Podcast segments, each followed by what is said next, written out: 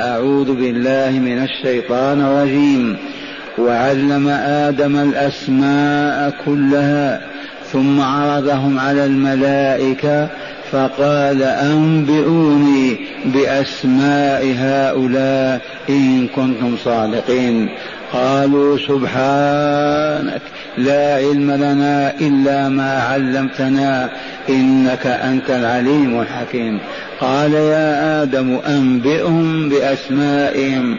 فلما أنبأهم بأسمائهم قال ألم أقل لكم إني أعلم غيب السماوات والأرض وأعلم ما تبدون وما كنتم تكتمون. إلى آخر ما جاء في هذا السياق القرآني المبارك الكريم. معاشر المستمعين والمستمعات من المؤمنين والمؤمنات هنا في هذا السياق الكريم تتأكد الحقيقة الوحيدة وهي أنه لا إله إلا الله. فلا كفر ولا شرك ولا نفاق. إذ تلك المعبودات أوهام باطلة. لا تستحق أن تعبد أبدا بحال من الأحوال. ها هنا تتجلى مظاهر الربوبية والألوهية الإلهية. وتتجلى مقتضيات عبادته وهي القدرة التي لا يعجزها شيء. والعلم الذي أحاط بكل شيء والحكمة التي لا يخلو منها شيء والرحمة التي تتجلى في كل المخلوقات. هذا الذي يستحق أن يعبد. هذا الذي ينبغي أن يحب وأن يبجل ويرجم ويعظم. أما من عداه من تلك الآلهة المزعومة المدعاة فعبادتها باطلة وأهلها مبطلون. وها هذه آيات الله تبين لنا عظمة ربنا عز وجل وعلمه وقدرته ورحمته وحكمته. وتقرر نبوة محمد صلى الله عليه وسلم. إنه لرسول الله. فلولا أنه غير رسول الله من أين له أن يأتي بهذه العلوم والمعارف. كيف تأتيه علوم لا تتلقى إلا من طريق السماع. ما هي علوم كونية في الأرض أو في السماء؟ هذه علوم إلهية. لولا أنه رسول الله صلى الله عليه وسلم لما جاء بهذا العلم الإلهي. وبسم الله يقول تعالى وإذ قال ربك للملائكة إني جاعل في الأرض خليفة أي أذكر يا رسولنا لهؤلاء المنافقين والمشركين والكافرين والمرتابين والفاسقين والمفسدين إذ الكل يشملهم الضياع والخسران. قل لهم أذكر لهم إذ قال ربك جل جلاله وعظم سلطانه ربك أي خالقك ورازقك ومدبر أمرك والموحي إليك والذي نبأك وأرسلك. وفي هذا تشريف لرسول الله صلى الله عليه وسلم وإعلاء لمكانته إذ يتكلم عن الله بما علمه الله. إذ قال ربك للملائكة وقد عرفنا من هم الملائكة. عالم مادة خلقه وتركيبه النور. هذا العالم لا يحصي عدد أفراده إلا الله. وحسبنا ما صح عن نبينا صلى الله عليه وسلم وأنه قال أطت السماء وحق لها أن تأط ما فيها موضع شبر أو موضع قدم إلا عليه ملك راكع أو ساجد. وقد عرفنا أن كل آدم معه عشرة ملائكة. إذا هذا العالم الأطهر قالوا أتجعل فيها من يفسد فيها ويسفك الدماء ونحن نسبح بحمدك ونقدس لك. معنى نسبح بحمدك نقول سبحان الله وبحمده. وهذا ورد يرده المؤمنون والمؤمنات إلى يوم القيامة. وهو قولك سبحان الله وبحمده. وجاء في التبشير بهذا الورد أن من قالها مئة مرة حين يصبح أو وحين يمسي حط الله عنه خطاياه ولو كانت مثل زبد البحر. سبحان الله وبحمده. ونحن نسبح بحمدك. أي نقول سبحان الله وبحمده. والملائكة طول الدهر وهم يسبحون بهذا التسبيح. ليل نهارا وقوله ونقدس لك. الأصل ونقدسك والتقديس التنزيه والتطهير عما لا يليق. وزيدت اللام لتقوية الكلام. إذ زيادة المبنى تزيد في المعنى في لسان هذه الأمة. اللسان العربي. وسبحه نزهه عما لا يليق به من الشرك وما إليه وقدسه في ذاته أيضا بحيث أبعد عنه كل ما يعرف بنقص. فالتسبيح كالتقديس إلى أن التقديس يتعلق بذات الله عز وجل والتسبيح يتعلق بصفاته وما له من حقوق وهي عبادته وحده. ونحن نسبح بمعنى ما هناك حاجة إلى خلق هذا المخلوق وإرساء وإنزاله في الأرض من أجل أن يعبدك فنحن نسبح لك ونقدس. هذا رأيهم. هذا منتهى علمهم. لا علم لهم. فقالوا قولتهم هذه. ولو فوضوا الأمر إلى الله لكان خيرا. ولكن هذا اجتهادهم. لما استشارهم سألهم إني جاعل كذا ليسمع منهم ما يرون أو ما يقولون. فلما أعلمهم قالوا ونحن نسبح لك نسبح بحمدك ونقدس لك. قال إني أعلم ما لا تعلمون فأسكتهم. وسوف يبين لهم أيضا مراده من خلق هذا المخلوق. قال تعالى وعلم آدم الأسماء كلها. أهل العلم المفسرون وغيرهم كيف هذا؟ كيف يعلمهم الأسماء يعلم آدم الأسماء كلها؟ ثم كيف يعرض الأسماء أي الذوات أما الآن نحن أصبح الذي يشك في هذا أو يرتاب أو يضطرب لا عقل له. أولا أليس قد كتب الله في كتاب المقادير كل ما هو كائن من اسم وذات وصفة؟ كل ما كان إلى يوم القيامة قد جرى به القلم وهو محفوظ ومعروف إذا فعلم آدم الأسماء وعرفه ذوات المسميات حتى شاهد الذوات وعرف الأسماء. الآن التلفاز يعرض لك هذا. فتشاهد الأسماء والمسميات. هذا اسمه إبراهيم وهذه اسمها النخلة. أسماء الأجناس كلها. وكونه تعالى قديرا عليما حكيما على أن يلهم عبده آدم في ذلك العالم أن يحفظ كل ما عرض عليه هذا أمر سهل على الله. الآدمي في هذه الظروف يحفظ آلاف الكلمات ملايين. إذا فعلم آدم الأسماء كلها. من الماء إلى الطين إلى اللبن إلى النخلة إلى الإنسان كما هو في كتاب المقادير. ثم عرضهم أي الأسماء والمسميات بها عرضهم على الملائكة. شاشة التلفاز شاهدوا أمامكم. هذه الأشياء ولها أسماء بينوا لنا.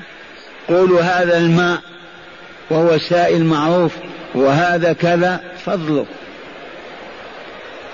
فقال أنبئوني بأسماء هؤلاء إن كنتم صادقين في علمكم ومعرفتكم. فعرضهم على الملائكة ما قال فعرضها لأن فيها الأنبياء والرسول والبشر وذوي العقول. ما كلها لا عقل لها. أنبئوني بأسماء هؤلاء إن كنتم صادقين. عاجزوا ما استطاعوا أن يحاروا الجواب. لم يستطيعوا أن يقولوا شيئا. لم يسعهم إلا أن يقولوا الله أعلم. إذا فماذا قالوا؟ سبحانك لا علم لنا إلا ما علمتنا إنك أنت العليم الحكيم. وبهذا خرجوا من المأزق الضيق. فوضوا الأمر لله قدسوا ونزهوه عن العبث واللهو والباطل عن الجهل عن كل ما هو نقص في ذاته وفي صفاته. سبحانك لا علم لنا إلا ما علمتنا. وهو كذلك لا علم لمخلوق من الملائكة أو من الإنس أو الجن إلا ما علمه الله. ونحن إذا عندنا علوم هذه العلوم من أين أتت؟ لولا أن الله علمنا نعلم. والله ما يعلم أحدنا شيئا. لولا أن الله علمه حتى كيف يلبس ثوبه أو نعله. لأن العلم مصدره الله هو الذي يغرز الغرائز ويطبع الطبايا ويلهم ويوجد الأفكار في المفكرين هو خالق كل شيء. فسلمت الملائكة لله سبحانك لا علم لنا إلا ما علمتنا. لو علمتنا كما علمت آدم لقلنا هذا فلان وهذا فلان وهذا اسمه كذا وهذا كذا. وعظمة الله تتجلى وربوبيته وإلهيته في كون آدم الذي خلقه من طين ونفخ فيه من روحه وأصبح ذا منطق وذا سمع وذا بصر. علمه نحن لا ندري في ساعة في دقيقة في لحظة. لكن نعلم أن الله يقول الشيء كن فيكون. علمه الأسماء كلها أسماء الأجناس كلها. باللغة التي أراد الله. ولا أن تكون العربية أولى لأنها لغة أهل الجنة. هذا اسمه كذا وهذا كذا. وانظر إلى الملائكة. مع طهارتهم وصفائهم ووجودهم قبل آدم ممكن بملايين السنين.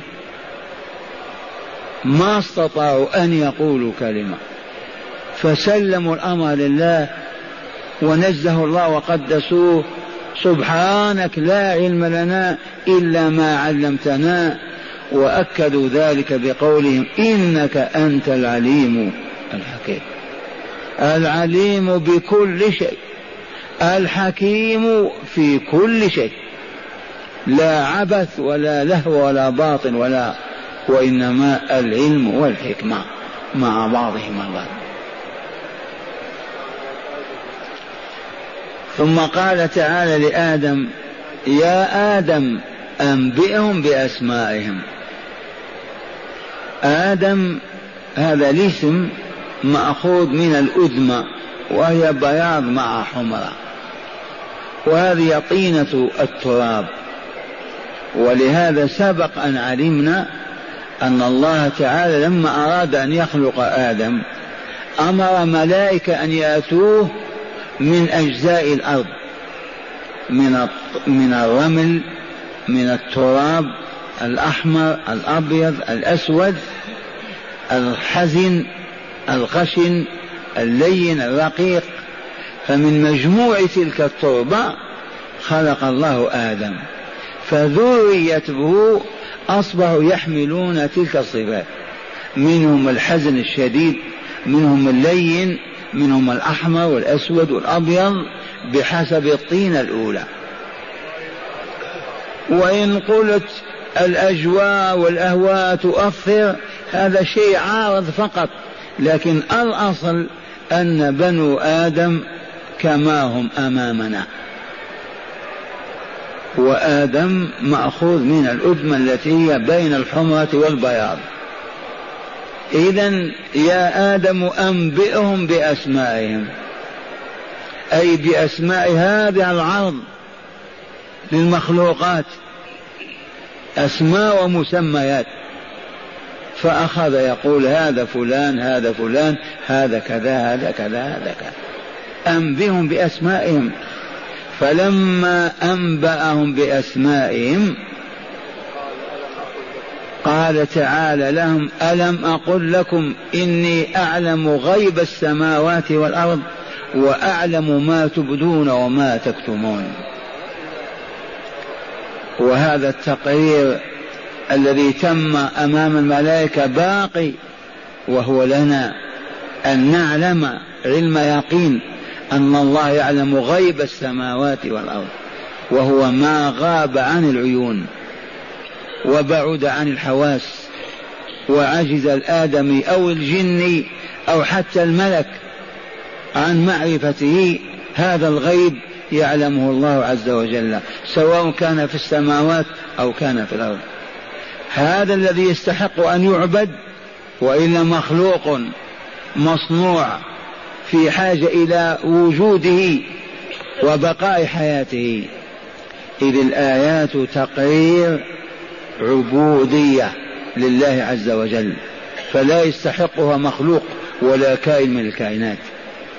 لأن الله أبطل الشرك والكفر وندد بذلك وقاد البشرية إلى أن تعرف الذي يستحق أن يعبد وهو الله عز وجل. علم آدم الأسماء كلها كيف يتم هذا؟ لولا أن الله الذي علمه. هل فينا الآن من يستطيع أن يتكلم بلغات العالم ويعرف كلها؟ هل فينا من يعرف الذوات الموجودة في الأرض وبأسمائها؟ هذا لا يقدر عليه إلا الله عز وجل. هذا الذي ينبغي أن يعبد وأن يحب وأن يرجب ويعبد ويعظم. أما المخلوقات كيف تعبد مع الله؟ العلم والقدرة والحكمة والرحمة ذي مقتضيات أن يعبد الله عز وجل.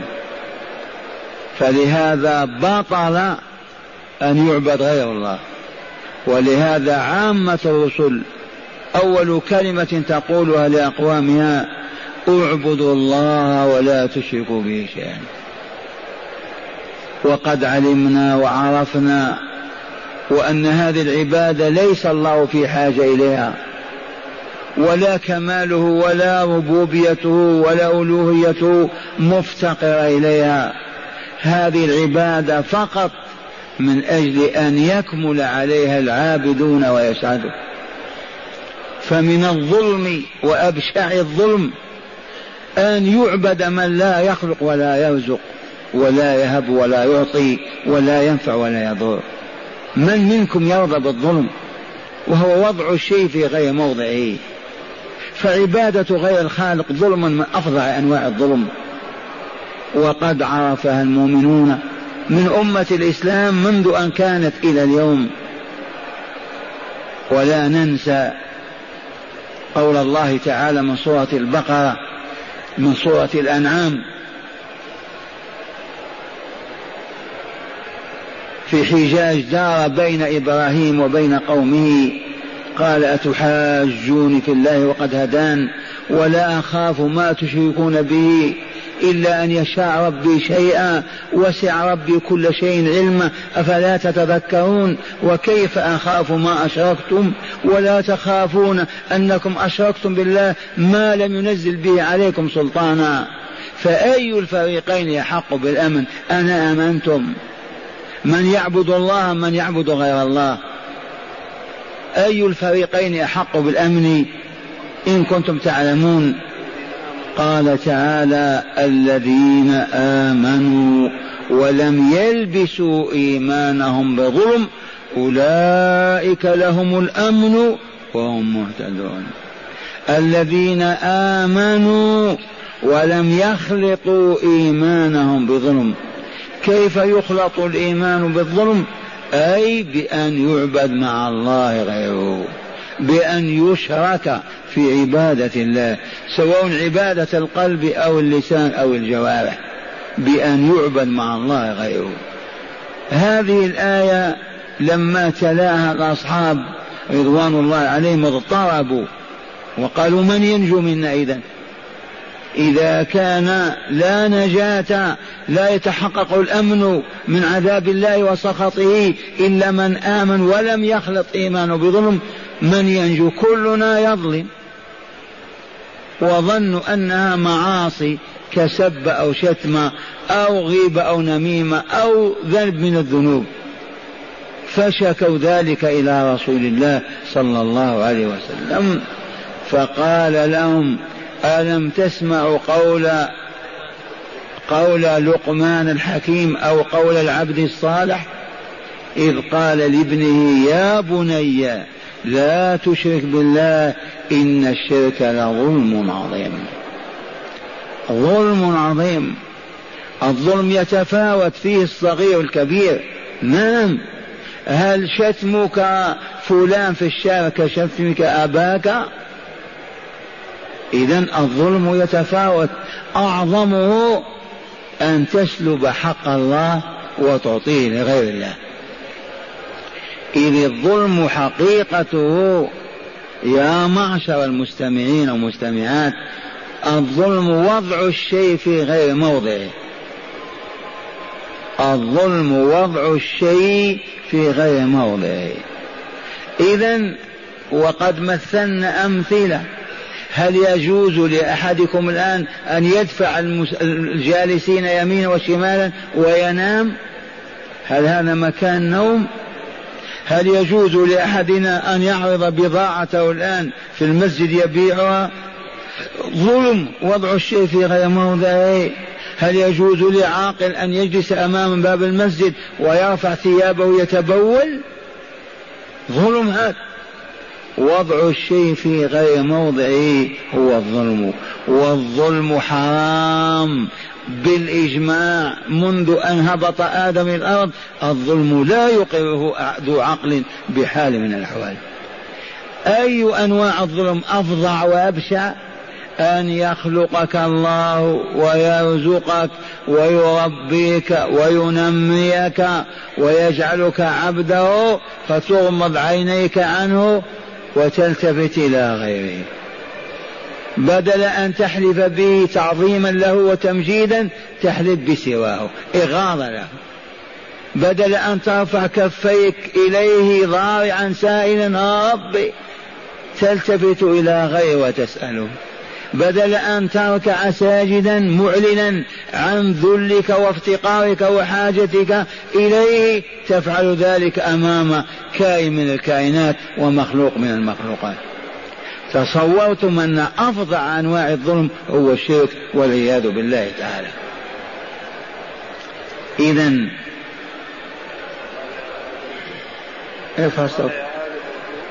قال يا آدم أنبئهم بأسمائهم فلما أنبأهم بأسمائهم قال ألم قل لكم إني أعلم غيب السماوات والأرض؟ وأعلم ما تبدون وما تكتمون وما كنتم تكتمون. قال العلماء من هو الذي كان يكتم بينهم شيئا؟ قالوا إبليس قبل أن يبلس قبل أن ييأس. ما إن شاهد آدم وهو في طينته وعرف بالفراسة أن لهذا المخلوق شأنا. وتعهد بأن لا أن لا يطيعه فكتم هذا في نفسه فأعلمهم الله أنه يعلم ما يكتمون. هنا معاشر المستمعين مسائل لا بد من العودة إليها.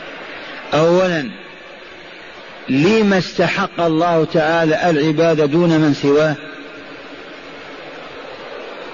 لما نسينا لعلمه الذي أحاط بكل شيء. فالذي لا يعلم الغيب كيف يعبد. ثانيا لقدرته التي تجلت في خلق السماوات والأرض في خلق الملائكة في خلق أبينا آدم.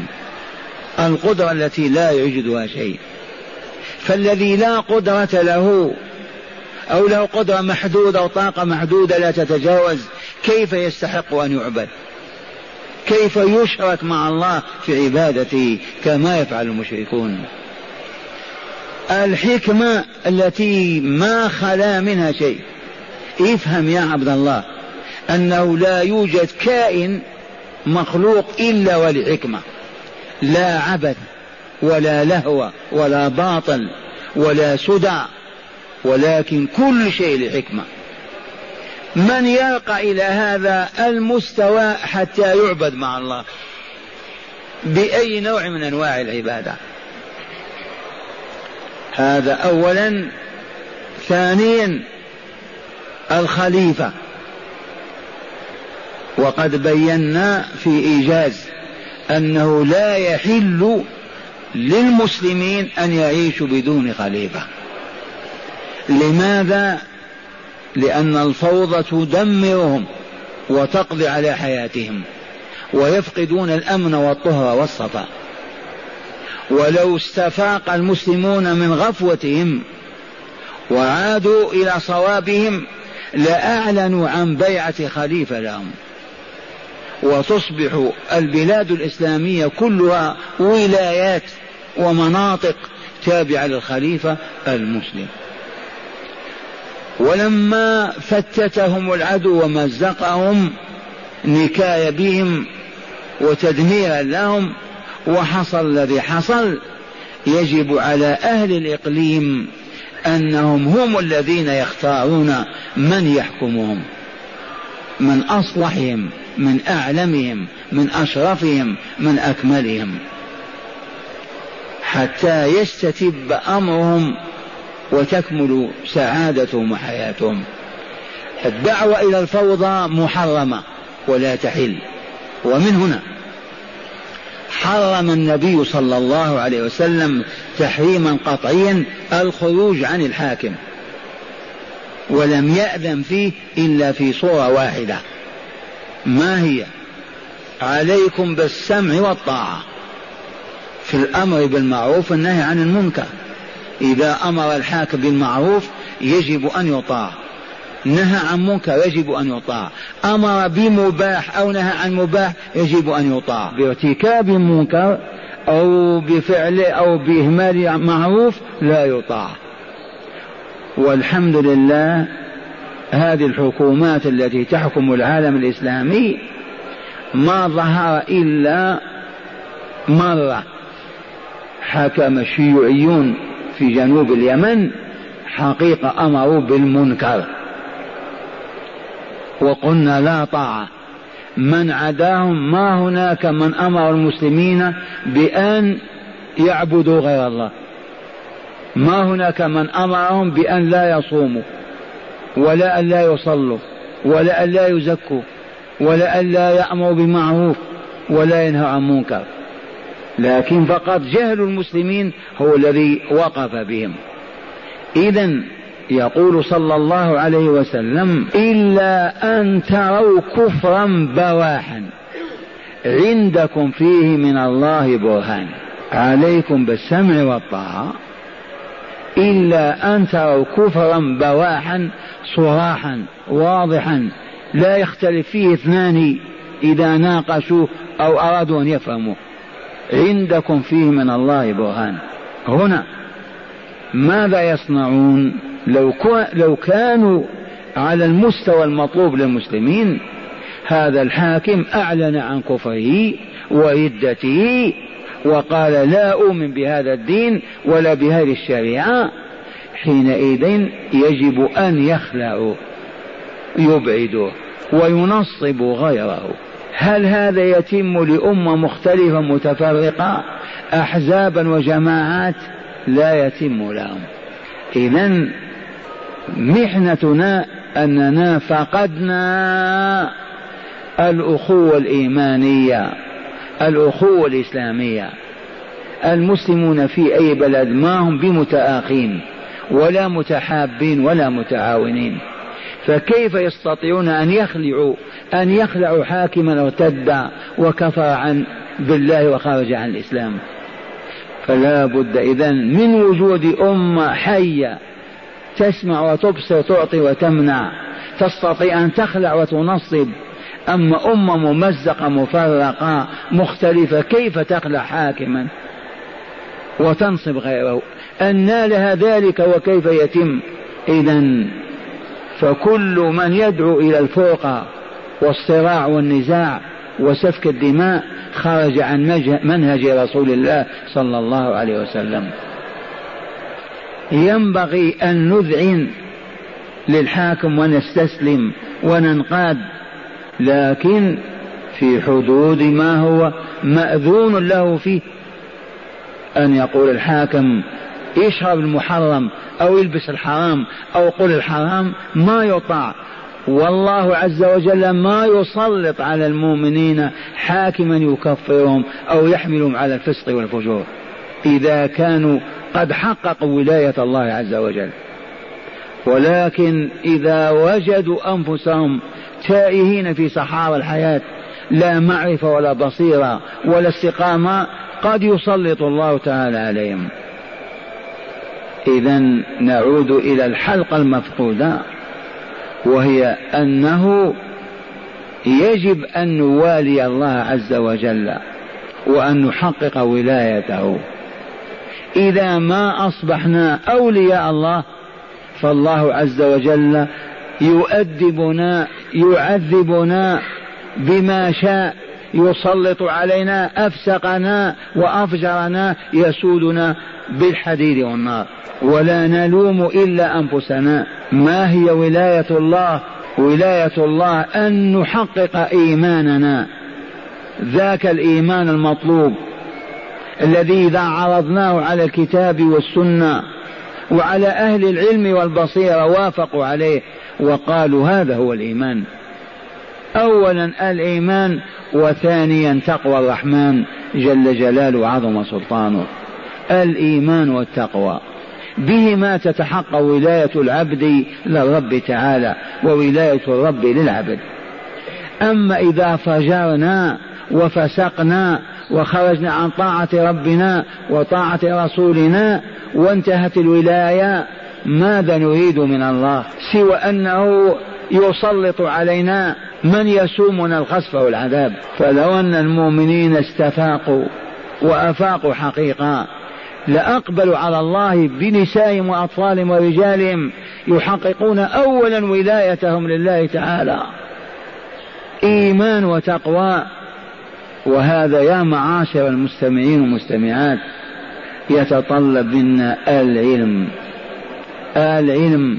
وها نحن في هذه الآيات سنقف كيف شرف الله آدم ورفع قدره بالعلم.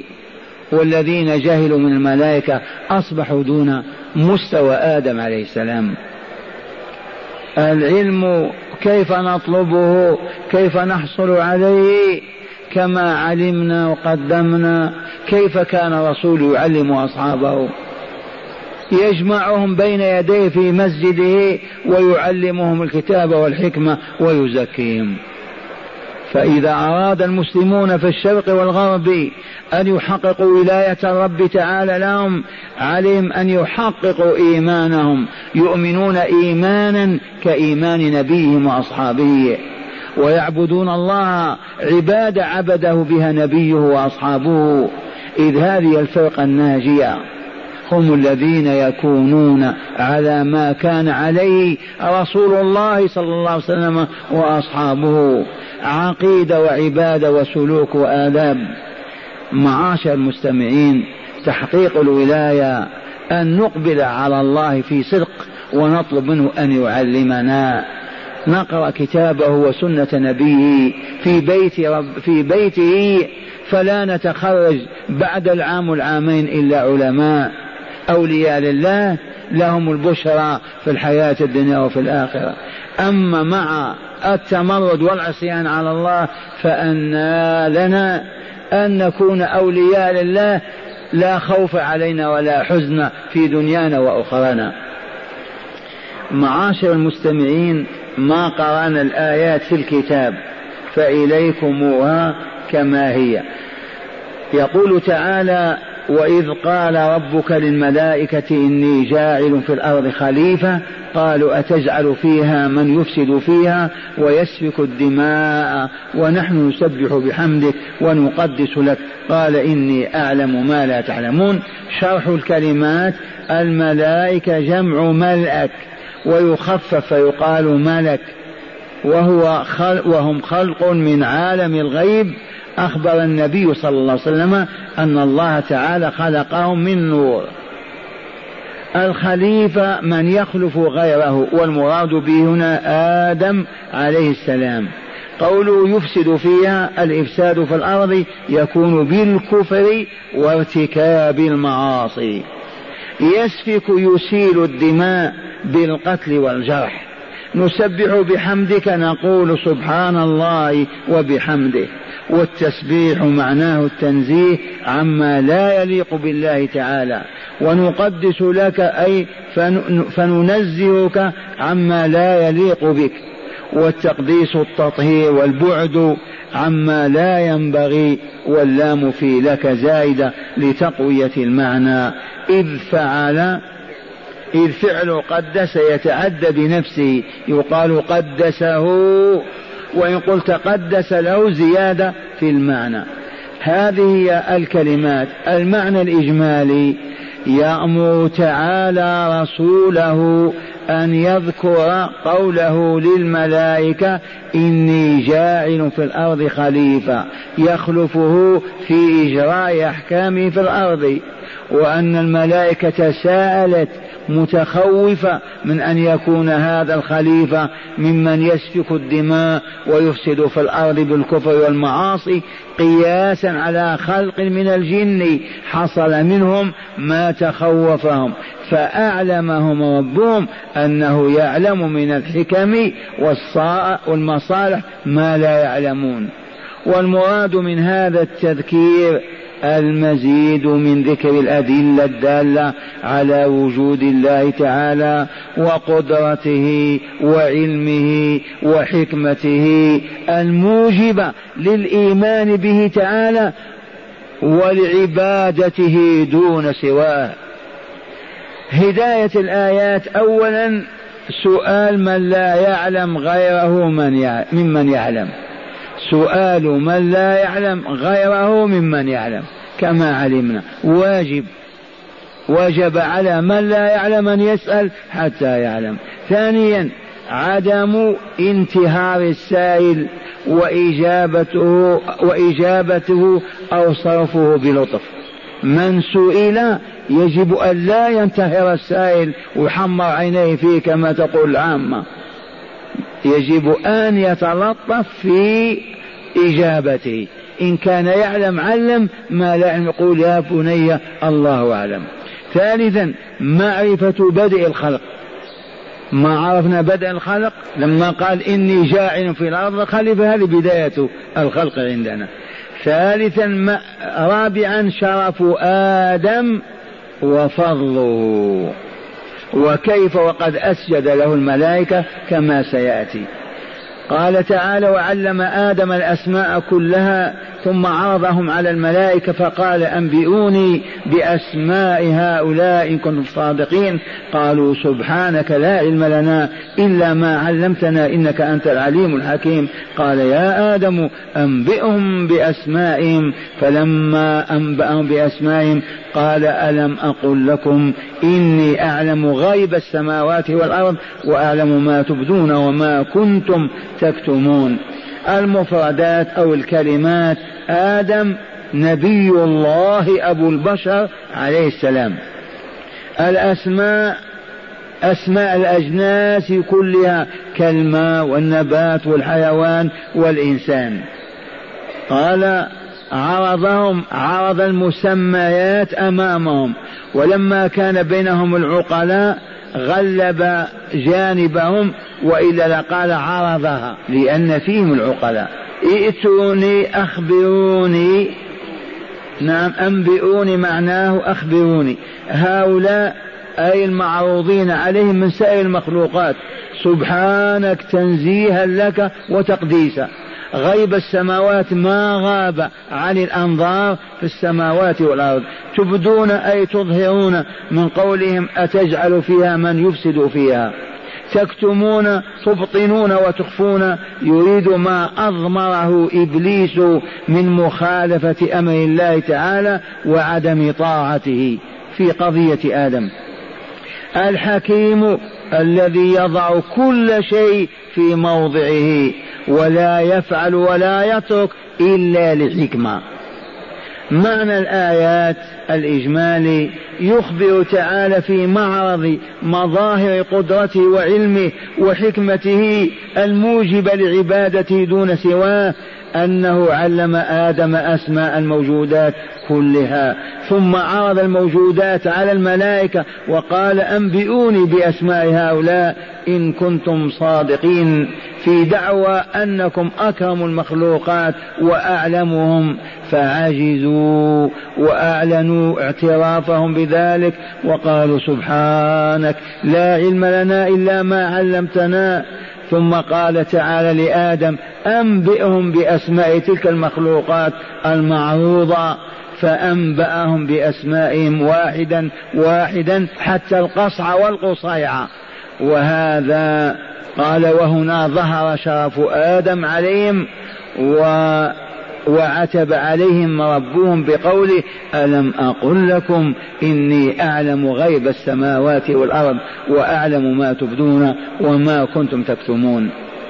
هداية الآيات أولا بيان قدرة الله تعالى حيث علم آدم أسماء المخلوقات كلها فتعلمها ثانيا شرف العلم وفضل العالم على الجاهل.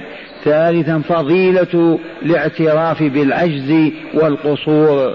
رابعا جواز العتاب على من ادعى دعوى هو غير متأهل لها.